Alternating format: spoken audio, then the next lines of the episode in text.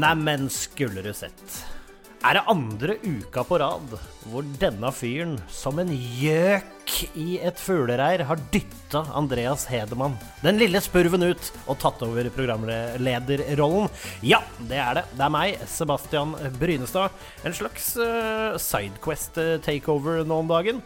Men i resistansen, lederen selv, mannen som nekter å ikke være med på en Sidequest-episode. Deres favoritt-toast av Sidequest, men også favorittgjest, Andreas Hedemann! Rappadabo! Jeg sitter her, jeg. Du sitter her, du. Ja. det, var, det, var, Jeg vet ikke om, du, om lyden klippa, for det er jo ingen hemmelighet at koronaen omikron har kommet for alvor. Så vi sitter på hver vår kant. Ja da. Det er klart, det. Det er, det er, sånn det har blitt. Vi har uh, fått beskjed av våre respektive arbeidsgivere, i mitt tilfelle uh, meg selv, om å være på hjemmekontor. Så, men det er jo hyggelig, da. Det er jo hyggelig å ikke minst kunne ja, ta en prat som dette sånn midt på dagen. Da føler man jo at man er litt sosial og er der ute likevel. Ja da, ja da. Så det er, eh, det er, eh, veldig hyggelig, det. Og det blir jo spennende å se. Det kommer an på når du hører på denne episoden. Kanskje omikron bare var, en, et, eh, var et, blaff, og eh, det går skikkelig bra. Eller så er vi alle sånne muterte Kronenberg-vesener nå, som, ja. sånn som Rick and Martin, som går rundt og sluker bygninger og biler og hverandre. Så jeg vet ikke, men det er hyggelig at du hører på midt i enten Det er hyggelig at du hører på enten mens du har det bra og ting går framover, eller det er hyggelig at du hører på under dommedag. ja, det er akkurat det. Og det er jo sånn det er en ekstremt takknemlig oppgave for meg å få lov til å være gjest i eh, Sidequest. Jeg, um, jeg, jeg har jo et uh, mangefasettert uh, spillbibliotek, en spillhistorie, med mange rare, små og fine opplevelser. Og ja, jeg sa jo litt om dette i forrige episode, men jeg har jo liksom prøvd å velge meg ut det ble, det ble, for vanskelig å bare velge fem spill. Så da du ja. spurte meg om jeg kunne være gjest, så sa jeg ja, hvis vi kan lage to episoder, fem spill, og fem spill til. Ja, eh. det, du, du, sa det. Vi spoila jo ikke det sånn 100 forrige episode, men eh, jeg tror alle skjønte det. At uh, Andreas han har nok mer enn fem spill. Så akkurat som at jeg har jo også kommet bak, tilbake i min tid som gjest med fem spill til, nå kommer Andreas Hedemann mm. med fem ytterligere perler. Hæ? Mm, ja. Og skal vi bare hive oss i gang, eller? Dette er fem spill du ikke kan gå glipp av, med ukens gjest Andreas Hedemann. Og først skal vi til et uh, japansk PlayStation Vita-spill, uh, faktisk. Det kom i 2012. Er et action-adventure-spill laget av Japan Studios og Team Gravity. Jeg snakker selvfølgelig om Gravity Rush.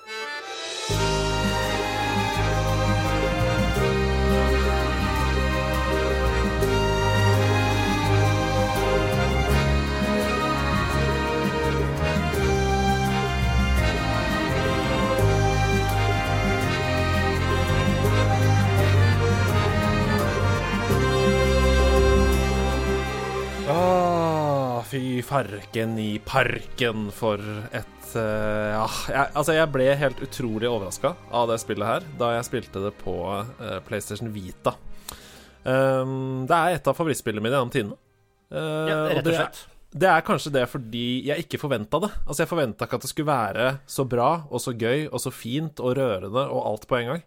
Um, og det har holdt seg helt konge fordi det er så stilren art direction, og det er 60 frames, rett og slett. Og det var jo helt sjukt da det kom. Men uh, det har kommet i remaster også.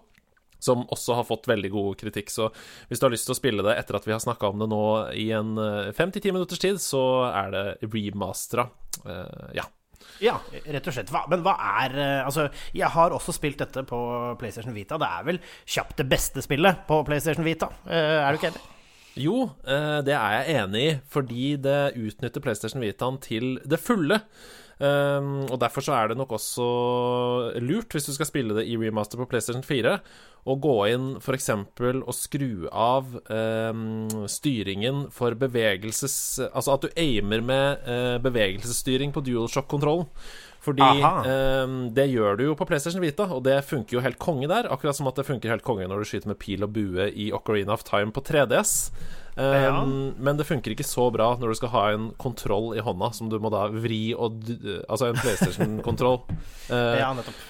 Så der bør du gå inn og, og, og bytte det til uh, å bruke høyre stikk isteden. Men du spiller altså som Cat, Um, og Cat er en helt uvanlig helt, som ikke helt vet hvorfor hun er helten. Um, og så må du selvfølgelig redde verden ved å utrydde ondskapen som har overtatt Heksvill.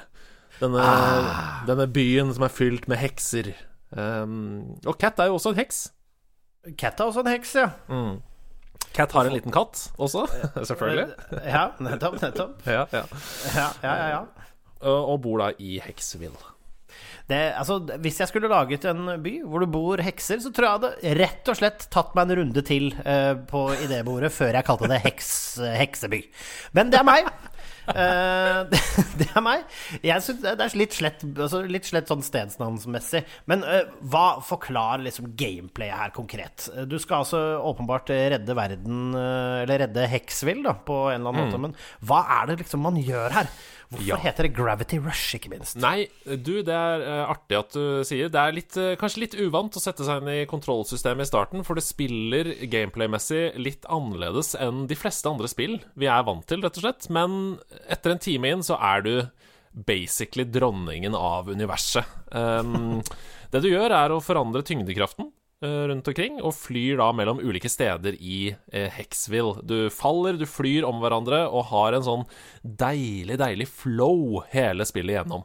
Så eh, Hexville består jo av flytende øyer som flyter i eh, himmelen.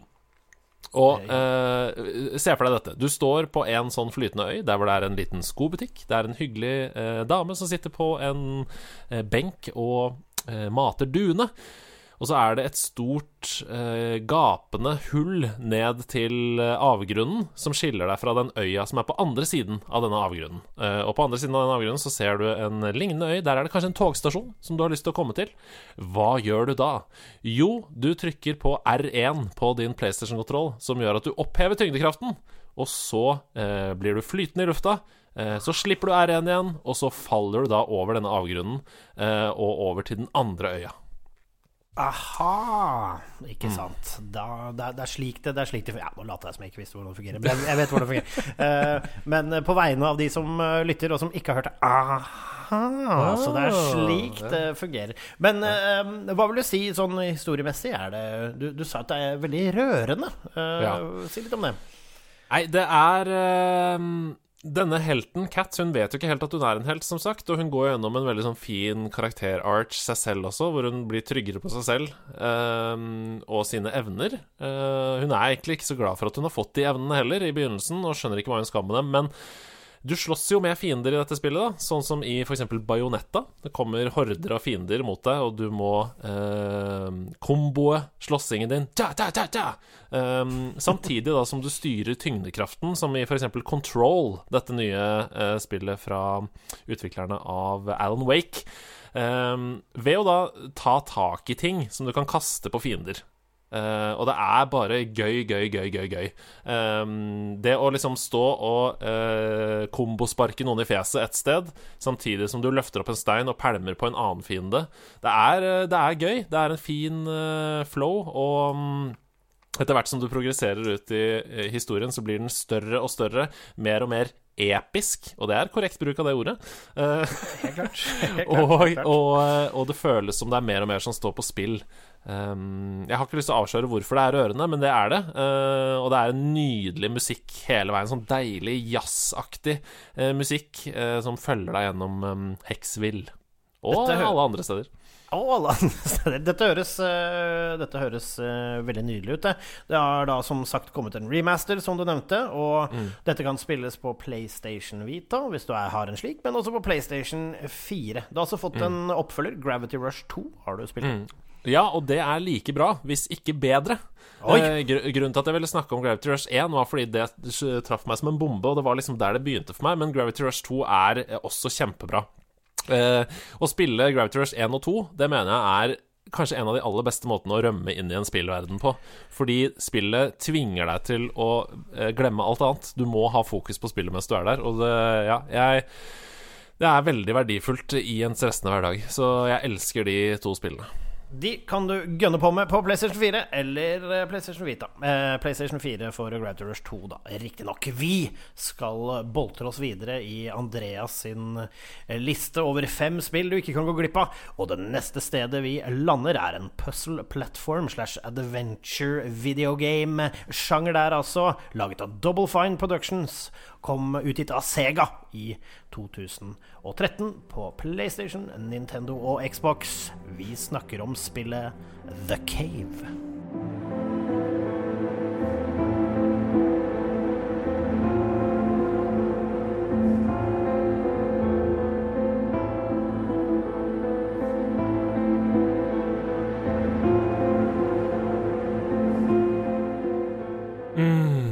Fikk jeg gåsehud da du sa det. Um, The Cave, ja. Ja. The Cave. Det, er, det var gratis på PlayStation Plus uh, på den tiden hvor det fortsatt var dritbra spill hver måned som var gratis på PlayStation Plus. Ja. Uh, det er det ikke lenger. Uh, Nei. Smekk på fingrene til dere, PlayStation. Nå har de jo faktisk gått ut og sagt det at de skjønner at de er nødt til å komme med sitt eget uh, GamePass-motsvar. Så det er jo en spennende tid vi lever i. Nei, for det var faktisk en, et um, eh, kriterium før for alle spillene som kom gratis på PlayStation Plus. Og dette vet jeg, for det sto i um, kontrakten, på en måte, når man Du vet de betingelsene man aldri leser. Um, at alle spillene som skulle være gratis på PlayStation Plus, skulle ha over 80 på metakritikk. Uh. Uh, og det er jo et kvalitetsstempel, for uh, Metacritic er jo journalister eh, Altså, det legger sammen scoren fra alle anmeldelser. Ikke brukere, men eh, spilljournalister. Ja. Så det er umulig å manipulere den scoren.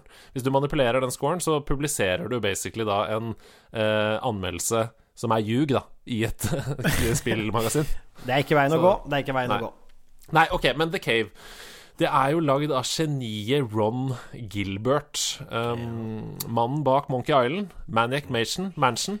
Eh, frie tøyler til å lage sitt helt eget spill eh, i The Cave, i da Double Fine. Eh, og det er et slags Hollow Night-aktig uh, puzzle-plattformspill. Jeg husker da jeg, da jeg starta det, så tenkte jeg etter fem sekunder sånn her ah, Her skal jeg kose meg. Fordi starten er altså at du, du begynner utenfor en stor hule med med eh, er, Og der står det syv ulike karakterer som er veldig karikerte. Det er sånn The Climber! Og han har en krok som han klatrer med. Eh, og så skal du velge deg tre av de ulike karakterene eh, i et utvalg av syv som du da spiller med. Eh, og det er sånn deilig, rolig musikk i bakgrunnen, og jeg kjente sånn mm, Dette blir et mysterium, jeg skal kose meg. um, de tre karakterene som du velger deg, de har ulike egenskaper som gjør at de kan løse da puzzles som du møter på, på forskjellige måter. Én kan f.eks. gjøre seg usynlig, gå gjennom vegger. Én kan klatre, som, som jeg sa, osv. Og, og du må da bytte mellom de tre i løpet av spillet for å komme deg videre og løse puzzles. Ja, nettopp. Mm.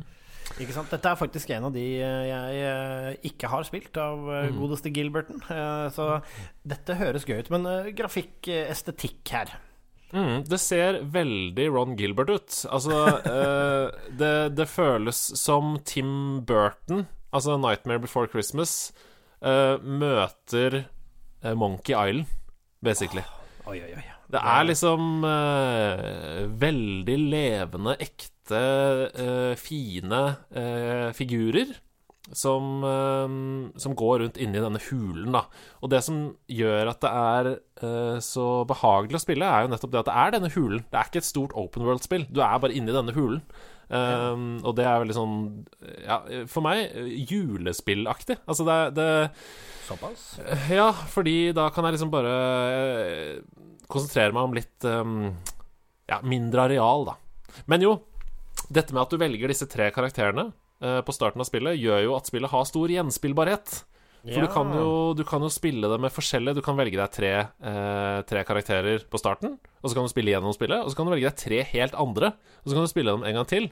Og så kan du velge en kombinasjon av eh, kanskje den ene du ikke har spilt med, og to du har spilt med før. Ikke sant? Så har, eh, du, du kan løse alle puzzlesene inni denne caven på forskjellige måter. Og poenget med spillet er å få vite bakgrunnshistorien til de karakterene du har valgt. Ja, ok. Så du skal liksom finne det er det, Karakterene er på en måte gåten. Mm. Ja, det er enkeltstående puzzles, men hvorfor er denne gullgraveren i denne caven? Hva er grunnen til at eh, vedkommende har valgt å, å komme til denne caven for å søke lykken? Det får du vite i løpet av spillet. Jeg vet ikke om dette er en spoiler, eh, men eh, en magisk pratende hule, hører jeg her. Mhm. Ah, det er en levende hule, kanskje, eller? Mhm. Ok, jeg tror kanskje ikke vi skal si så mye mer om det, for det kan bli spoiler. Men eh, gøy at det er Steven Stanton som er uh, stemmen da, til uh, Ja, det er et veldig, veldig fint persongalleri av stemmeskuespillere. Og som med alle Ron Gilbert-spill, vi sa det jo, Mon Monkey Island, Maniac Mansion. godt manus, gode skuespillerprestasjoner og en fyr som er manisk opptatt av detaljer. Um, så ingenting er overlatt til tilfeldighetene hva gjelder rent skuespillerprestasjonsmessig. Så det er, det er morsomt, det er smart, og um, de problemene som spillet hadde med framerate uh, refreshing da det kom, det er retta opp i. Så um, Ikke, ja, det er bra. Det står i hvert fall her at dette kan du plukke opp på PlayStation Network, Nintendo eShop og Xbox Live Arcade. Eh, så jeg eh, vil jo tro at eh, dette her er et spill jeg kanskje allerede nå til juls skal eh, teste ut, eh, faktisk. Og det som er fellesnevneren for alle spillene som jeg har kommet med i disse to episodene, det er jo at det er jo ikke eh, spill som kom i går. Så med andre ord, det kan ikke være dyrt. Dette, dette er sannsynligvis gitt vekk eh, på de fleste De fleste av disse spillene kan du få tak i for en slikk og ingenting. Ikke sant? Det er helt nydelig. Og apropos en slikk og en ingenting Nei da. Eh, nå skal vi videre til neste perle på Andreas sitt kjede. Eh, vi skal til det ville Vesten i en førstepersonsskyter. Oi, en liten twist der, altså. Det er, eh, er rett og slett et westernspill fra eh, Techland og Ubisoft. Spillet kom til PlayStation 3 og Xbox 360 samt PC i 2013. Vi snakker Call of Juarez Gunslinger.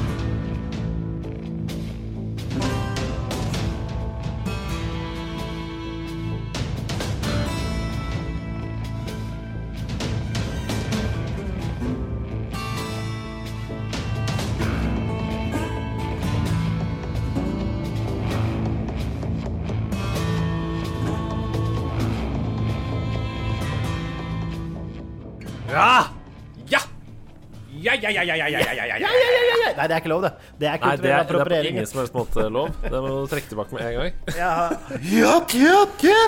Der er alle ai-ai-ai-en inne. ja, det er veldig bra. Uh, Call of Juarez-serien var jo en bøtte med drit før, før dette spillet, rett og slett nettopp. For dette er Call of Juarez 4. Dette er det fjerde spillet i serien. De valgte å kalle det Gunslinger istedenfor 4. Ja, og eh, Det er ikke mange spillserier hvor det fjerde spillet er det beste. Men, ehm, Det er, det er så sant som det er sagt. men dette er dritbra. Uh, og nok en gang så var det gratis på PlayStation Plus. Um, begynner å ane et mønster her. Uh, Sony, smøkk på lanken en gang til. Kom dere tilbake til der dere var en gang i tiden. Ja. Uh, Call of Ares Gunslinger Det er et nydelig lite FPS på fem til syv timer ish. Eh, som er dratt ut av spagettivesteren, uh, og som på grunn av det har jo holdt seg med sin selvshadede, nydelige art-stil. da Deilig. Og Du spiller rett og slett Call of Juarez Gunslinger eh, gjennom å snakke med en fyr som sitter på en bar. Ok. Og det er veldig lurt. Det er et utrolig lurt gameplay-element, fordi det betyr at Altså, vi vet jo at Ville Vesten eh, Historien til USA på 1800-tallet består jo av enkeltstående, fantastiske eventyrhistorier. um, og altså basert på virkeligheten, da. uh, som ikke har så mye med hverandre å gjøre, ikke sant? Og å lage et spill basert på dette Når du da eh, Det som skjer, er at du kommer inn i denne baren, og han mannen forteller deg da legendariske historier fra Det ville vesten som du spiller ut. Aha! Ikke sant? Ja, nettopp. Han er den narrator. Ja, og da trenger det ikke å være noe connection mellom dem. Eh, da kan du hoppe fra Wild Bill Hickok til eh, helt andre karakterer eh, i Ville Vesten. Og det, det er kjempelurt og gøy, og vil også si at gameplayet og historien forandrer seg når han som forteller deg historien, kommer på detaljer som han har glemt. Eller fortelle feil. ja. Det er liksom humor og gøy. Ja, det er liksom Tiny Tinas uh, expansion til Borderlands 2. Altså, du, du, kan stå i en duell med en fyr, og så sier han nei, det var ikke helt sånn. Uh, det var fem stykker der. Og så bare Så er det fem stykker der isteden. Ja, sånn, ja. Det er gøy. Ja, det er veldig gøy. Um, og eh, på toppen av dette, da, er, altså historiedelen er jo eh, genialt løst, men på toppen av det så er det kjempegøy gameplay. Eh, gunplayet, gunplayet er veldig, veldig bra, rett og slett. Eh, du føler deg som en cowboy med Hawkeye som bare pip, pip, pip, skyter deg rundt der, og du må fighte deg ut av umulige situasjoner med kun en avsagt hagle til disposisjon.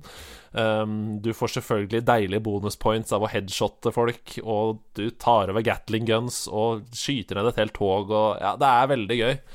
Um, og, og, alt dette gjør jo at du, du, det kommer et RPG-element inn også, for du leveler opp underveis med masse ulike, ulike, skills da, som gir deg enda kulere og bedre eh, cowboyevner.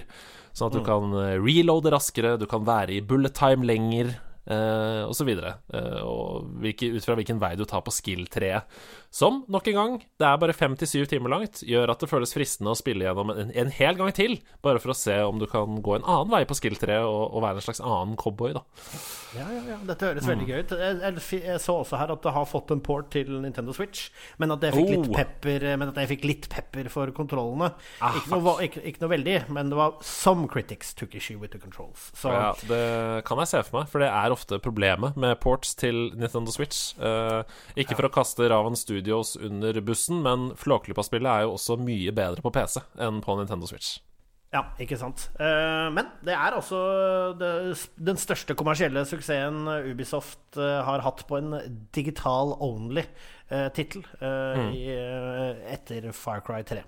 Mm. Og det, det, må nok ha noe å gjøre med at det ble, ble gjort, gitt bort gratis på PlayStation Plus i en tid hvor alle satt og venta på at det skulle komme nye gratisspill der, fordi de var så bra, alle sammen.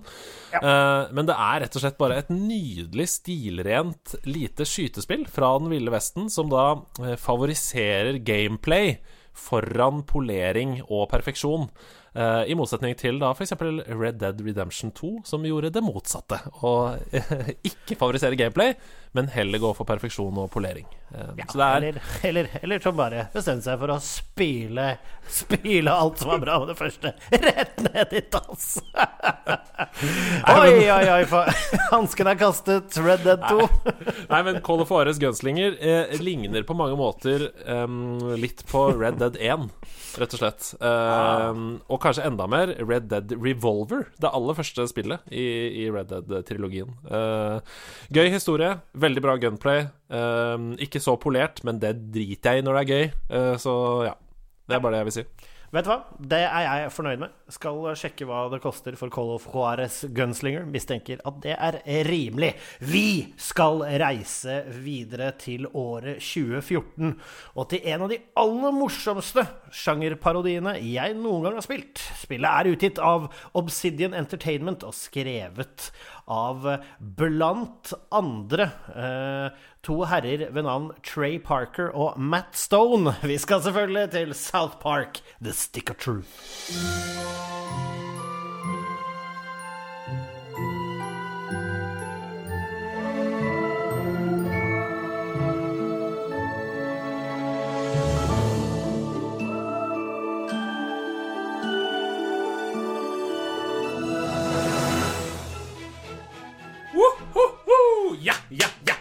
Ja, ja, ja, ja, ja, ja, ja, ja, ja. Ah, for en ah, For en livsbejaende, deilig ny twist på RPG-sjangeren, hæ? Ja, det er jo en av de aller beste sjangerparodiene i noe medie noen gang, spør du meg. Det er rett og slett en så god parodi at det ikke er en parodi. Det er bare et dritbra RPG, rett og slett. det, det, er det. Uh, altså Det eneste jeg har å utsette på South Park Stick of Truth, er at det er altfor lett. Bortsett, ja. og, og, det høres kanskje ut som et minus, men exploration og hvordan du gjør ting og Du kan jo jekke opp vanskelighetsgraden og sånn, men det, det gjør det, det er bare sånn sponge-effekt. Spillet i seg selv er ikke så veldig utfordrende. Det mm. sagt, så må du fortsatt bruke huet. Det er fortsatt uh, morsomme puzzles og morsomme avgjørelser å ta underveis.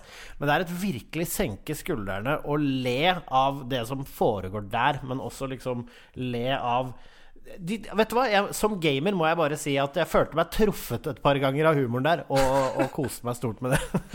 ja, jeg trengte The Stick of Truth uh, så veldig da det kom. Um, det ga meg en ny kjærlighet for hele RPG-sjangeren etter Skyrim, som jeg hadde da spilt uh, i kanskje to-tre år, uh, fra 2011 til 2014.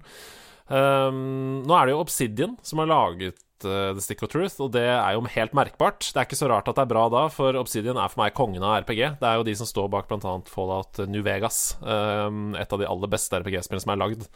Så um, ja, det er, det er Altså, core, kjernen her, uh, roleplay-kjernen, er bare veldig, veldig bra. Um, for å snakke litt om hvordan, man, hvordan, det spilles, da, så er det jo et turn-based RPG um, som er satt til um, South Park-universet. Uh, du befinner deg i en slags uh, Dungeons and Dragons-aktig virkelighet gjennom da barnefantasien til yep. Cartman, Kyle, Stan, Kenny og alle de andre i det universet.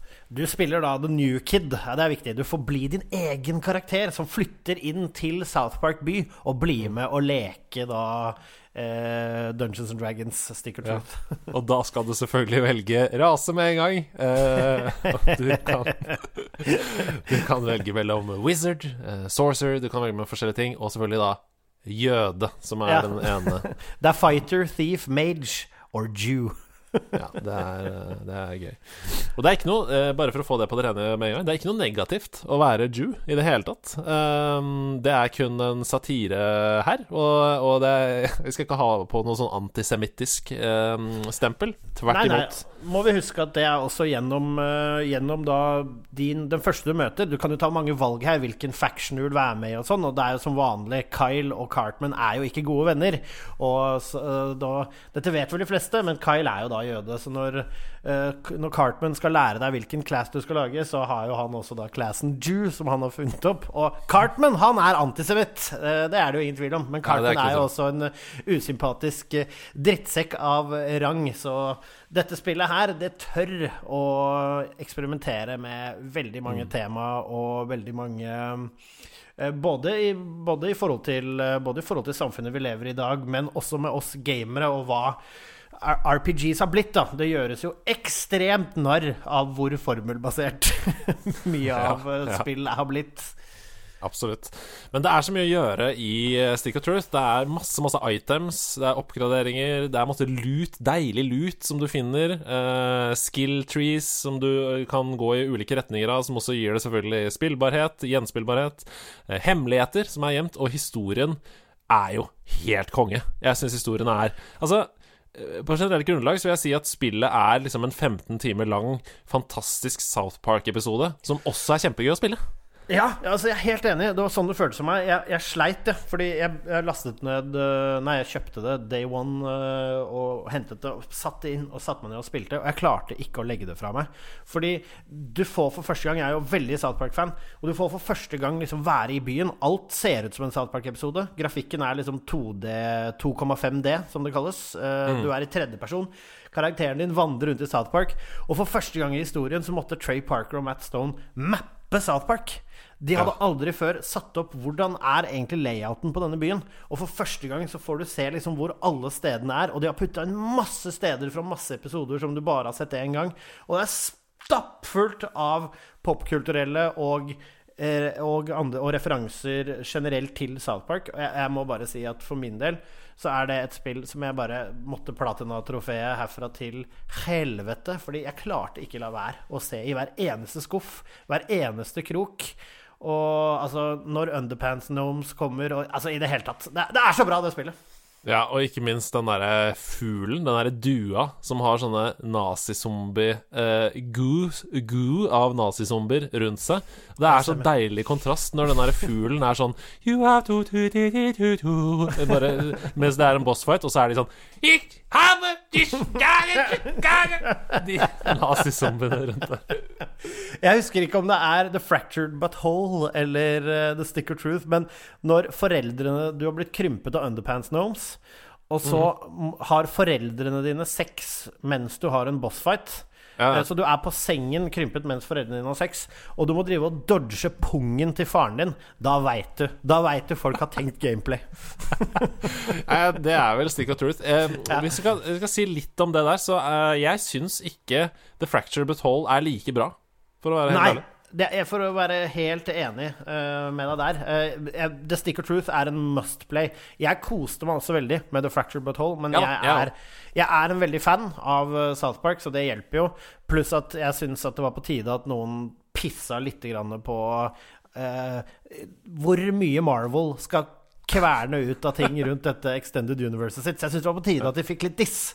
Um, Ja da, jeg er enig i det, men jeg bare syns noen av ideene føles litt uh, gjenbrukte. Og um, ja, det kreative overskuddet fra Stick of Truth uh, er til stede, altså. Også i Fracture But Whole, men ikke like ofte, syns jeg. Så. Ja, og Fractured But Whole eh, det har jo heller Da er du allerede vært i byen i South Park. Du har allerede vært mange av stedene.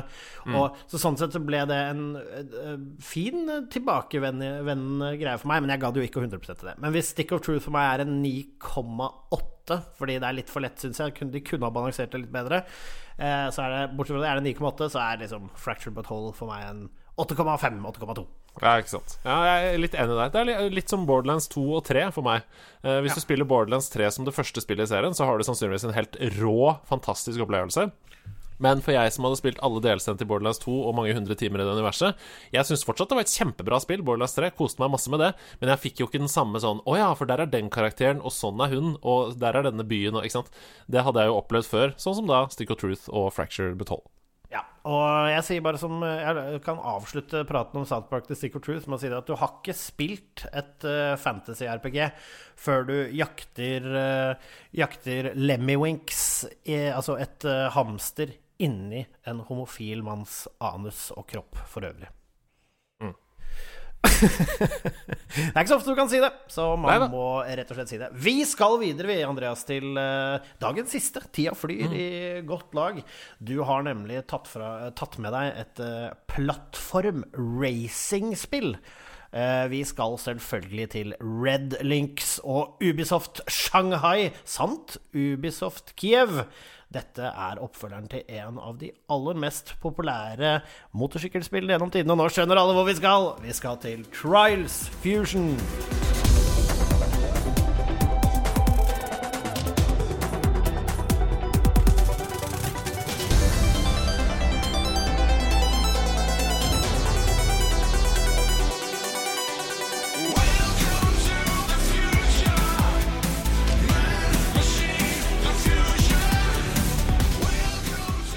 Welcome to the future. Man, machine, the fusion. Mest, mest tacky Det er mest tacky introlåta. Welcome to the future! Man, machine, fusion! Ja, det, Ja, det er sånn Welcome to the future. Man, machine, the fusion. Oh, Trials Fusion, altså. Nei, men altså um, Red Links er kongene av uh, trial-spill. Uh, jeg begynte å spille um, det første, aller første spillet de lagde på ungdomsskolen, i Flash-spiller på skole-PC-en. Elastomania, eller? Nei, det var faktisk eh, det første Trials-spillet. Det er jo ah. Red, Red Links er jo en finsk utvikler som bare, jeg føler, drikker øl og ler på kontoret. Um, hver gang de har pressekonferanse, så er det sånn Yeah, we're making new game. Vet du hva, Vet du hva, Andreas? Nå sitter de og drikker øl på hjemmekontoret og gråter.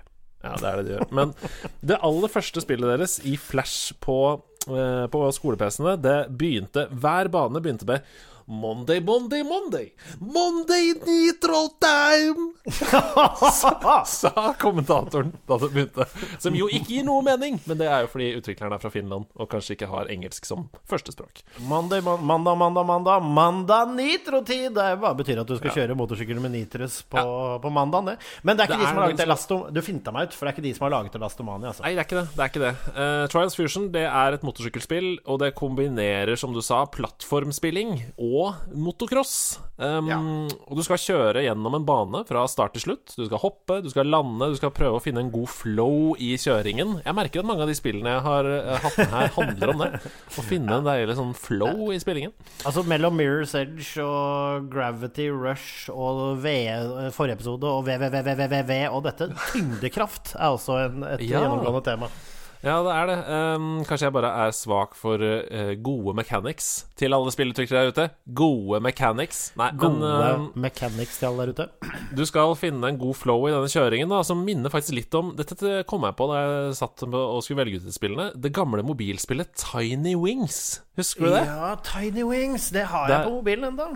Der er du en liten fugl, og så skal du prøve å treffe buer i landskapet for å liksom bygge fart og treffe sånn yeah, Du- yeah, videre. Du, og musikken Bare kjapp digresjon, da, men Tiny Wings Musikken i Tiny Wings Ja, ja, ja. Når du får, du får landa inn i de buer, og du får maksfart, og når musikken soarer, og du hører Ah, det er Det er lykke. Det er lykke. Og det er den samme lykken du får i Trials Fusion. Um, for spill skal uh, være gøy. Og det her det er bare gøy med capslock, rett og slett. Um, når alt treffer, du føler deg god med denne motorsykkelen, du klarer å lande, du klarer å stoppe i riktig tidspunkt og komme deg videre og sette banerekord og få maks stjerner, og du eksploderer på slutten, og fyrverkeri går til topp og, eh, og alt. Det, det er bare så gøy. Og etter hvert så blir det også veldig utfordrende. Uh, Skill-taket i trial-spillene er så høyt at du aner jo selvfølgelig ikke hva du har begitt deg ut på når du begynner å spille det. Um, men samtidig så er det kjempegøy for de aller fleste, og det er så sjukt bra gjort. At det både er gøy for en helt sånn casual spiller som bare syns det er gøy med motorsykkelspill, og de som har virkelig lyst til å gå ned i materien for å bli det, det som man kaller ninja-god da, i, i trial-spillene. Stemmer. Altså, dette er jo et spill som kan by på enorm frustrasjon også, men på best mulige måte. Fordi du vet hele tiden at det er fullt mulig å komme forbi neste hinder. For dette er jo på en måte en, eh, en veldig arcady, overdreven versjon av Trials-sporten, for de som mm. eh, ikke visste det. Det er, eh, det er jo en motorsykkelsport hvor du skal klatre gjerne i baner og sånn med motorsykkelen. Og det er det som skjer her òg. Du har noen baner hvor det går fort, og det er litt sånn racingorientert og sånn, men i all hovedsak så skal du liksom få denne motorsykkelen til å klatre over og gjennom nesten tilsynelatende helt umulige hinder. Og det jeg elsker med det, er at eh, det er god checkpointing her. Så etter hvert som du kommer i vanskelighetsgradene, så kan man liksom spille hinder for hinder, og bare mekke banen uten at, det er noe, uten at det er noe press på deg. Du kan lære deg banen. For noen av hindrene Jeg tror ikke jeg kødder deg hvis jeg på et hinder hadde 400 forsøk eller noe sånt, tror jeg. Ja, ja. Eh, Og det er det som er så genialt, at du trykker jo bare på runding på kontrollen din, eller, eller på hvilken som helst kontroll du gjør, da, så resetter du til forrige checkpoint. Og det er så lett å gjøre. Det er bare sånn eh, Ja, jeg klarte det ikke. Rett, Begynner på nytt igjen. Det er litt som Celeste, som vi snakka om um, sist, at hvis du dør, så begynner du bare rett igjen. Eller ve-ve-ve-ve-ve, som eksempel. Ja. Og det, men respawnen her, vi snakker liksom under et sekund. Og, Ja, det, er, og det er bare sånn OK, nei, inngangen var feil. En gang til, en gang til. en gang til Og så er det sånn Jeg, jeg tror på, på tampen av det spillet, på de vanskeligste banene og sånt, så er det Det er umulig å legge seg. Altså hvis Du må ikke finne på Og liksom Hvis du har noe viktig i morgen, ikke begynn å spille uh, Trials uh, klokka ti og ta, tenk at du skal ha en time. For du kommer til det hinderet, og så står du tre timer. Det er ufattelig gøy å spille sammen med folk også, med pass the controller. Det er i det Ja. hele tatt et perfekt sånn force-spill også. For det er mitt neste punkt. Eh, Det du beskriver her som en sånn prøve igjen og prøve igjen, det er jo på en måte bare en av modesene i dette spillet. Um, Banene er jo helt eh, nydelige. De er fulle av variasjon. Det er egne objectives for hver, ene, hver eneste bane. Eh, For eksempel eh, klar den med å dø færre enn 100 ganger, eller innenfor dette tidsrommet. Kontrollene er helt perfekte. Det er tonn med innhold. Eh, du snakker om multiplayer. Eh, man kan spille pass to controller, men man kan også spille fire mot hverandre på samme bane. Hvor man på en måte bare eh, ser bakover i banen at det er forskjellige lanes, ikke sant. Og så er det de samme hindrene. Og man prøver å komme seg til mål fortest mulig. Både lokalt co-op, men også online, da, mot andre. Eh, og du kan spille mot ghosts, du kan velge deg vennelista di sine ghosts, du kan velge deg online ghosts. Det er rett og slett bare Det er så mye innhold, og alt føles riktig. Fysikken føles helt riktig, underlagene føles riktig. Når du er på en treplanke, så kjennes det forskjell på det og på en fjellside. Um, altså, hvis du er glad i denne typen spill, så trenger du bare å spille Nei, kjøpe Trials Fusion. Da kan du spille det helt til du må kjøpe deg en ny kontroll. Ikke, ikke Ja. fordi du må kjøpe deg et nytt spill, du må kjøpe deg en ny kontroll. Fordi det er den som dør før spillet dør, på en måte. Ja, ja. Og, og det, er, det er rett og slett eh, Det er rett og slett et spekka spill. Det er masse customization. eh, Få Det er noe microtrans der som er rent kosmetisk, men eh, du får masse ting hele tiden for å liksom sprite opp karakteren din, og du kan gjøre fargekombinasjoner og customize sykler og holde på. Og så er det så er det seks DLC-er i skrivende stund nå, så en sånn complete-versjon av Trials Fusion koster neppe mye. Kan få det på PlayStation 4, 360, Xbox One, helt sikkert 5 og, 5 og One X også. Ikke noe Switch, står det her i hvert fall. Nei, Eh, og, og her Dette er veldig viktig for meg. Det neste spillet i serien, det heter Trials Rising. Det kom til Switch og andre konsoller i 2019. Du må ikke finne på å kjøpe det. Du må ikke finne på å kjøpe det. Nei, ikke sant. Uh, Trials Fusion er et fantastisk spill som uh, føles som en naturlig, deilig progresjon. Trials Rising, der er progresjonen låst bak et system som gjør at du enten må spille de samme banene 1000 ganger for å komme deg videre, eller bruke penger. Å, fy! Og det er en vederstyggelighet som jeg ikke kan få si eh, sagt mange nok ganger hvor forferdelig er. Så ikke spill Trials Rising. Det pisser på hele arven til Trials-serien. Spill Trials Fusion isteden. Ja, vet du hva, nå ble, Jeg ble helt sjokkert. Jeg har ikke spilt Trials Rising fordi Trials Fusion holder massevis for meg. For et fantastisk spill, og jeg har alle delscenene. Og det kan jeg en av de spillene som aldri slettes fra maskinen, for det er for bra. Uh, og for gøy. Men Trials Rising, altså. En oppfølger. De har rett og slett gått i fella og prøver å liksom de prøver å utnytte den heroinfølelsen det er å jobbe med hindre, ved at du får ikke flere hindre før du betaler, altså. Mm, det er rett og slett eh, en eh, sannsynligvis en utgiver her da som har mast på at spillet må generere mer inntekt enn bare de første 500 kronene eh, når du kjøper det. Og, du, og det er ikke free to play heller, nei! Nei, nei, er du gæren, nei? Det er full pris. Fy Ok, greit. Vet du hva? Eh, Jeg tror jeg med, jeg tror jeg med sikkerhet kan si at uh, ukas uh, Sidequest-kaktar går til uh, Er det Red Links som har laget det òg? Ja, men jeg er jeg, har ikke lyst til å kjefte på studio, fordi de er jo kjempeflinke. Der har jeg nok mer eh, lyst til å kjefte på noen som har pressa dette ned i halsen på dem. Um, så spill heller Trials Fusion, eh, og så trenger vi aldri å snakke om Trials Rising igjen. Nei, Trials Rising eksisterer ikke, men Trials Fusion er en perle. Og det, Andreas, betyr at etter å ha snakket om Gravity Rush, The Cave, Call of Juarez, Gunslinger, South Park, The Stick of Truth og Trials Fusion, så er vi rett og slett i mål. Disse, altså, disse to ukene så har du og jeg kosa oss med ti spill fra din, øh, fra din bank. Hvordan, øh, hvordan har det vært å gjeste? Kjempegøy! Eh, det frister til gjentakelse, så hvis du har lyst til å ha en episode om et spillselskaps historie, om et dypdykk i f.eks. Ja, Borderlands 2 eller noe annet, så må du bare ringe, så skal vi få til det. Vi, eh, vi later som vanlig som at dette er en samtale vi ikke har hatt. Det er klart Andreas skal få dypdykke, og det er klart vi skal eh, snakke eh, Ta et spillselskap som han har lyst til å lære mer om, så skal jeg lære mer om det og fortelle Andreas, og så skal vi diskutere. Han blir å finne i Sidequest på den siden av bordet igjen, men neste uke så er du vel mest sannsynlig tilbake i programlederstolen, eller? Ja, vi får se hva som skjer, da. Det er en men- eh, tid Det er en tid full av overraskelser. Du nekter å slippe gjestestolen, du, nå. Ja, Du- kanskje Ida er programleder neste. Nå er det bare Ja, men altså, det er, vi er jo enige om at vi skal alle dra Sidequest, men nå, nå er det rett og slett eh, du, du, er, du er en flott gjest, så er jeg, jeg er veldig for at du bare gjester alle episodene av Sidequest fra nå. Det er fint. Og hvis, uh, hvis du lager flere frokostshow til YouTube-kanalen vår, så kan jeg være gjest der òg. Ja, du er en selvskrevet gjest eh, i frokostshow, og det skal nok komme et eh, frokostshow en eller annen gang, en eller annen gang igjen. På, vi, vi, vi skal nok strømmes, tror du ikke det? Jo da, det tipper jeg. Men du, tusen hjertelig takk for at du kom og delte av deg i eh, Sidequest. Vi snakkes jo på absolutt eh, alle plattformene våre, som eh, Nerdelandslaget på Discord. På Instagram kan du gå, du kan sjekke oss ut på Facebook. Nerdelandslagets internettside, er det .com, stemmer vel det, eller er det .no? Ja da. Ja da. .com.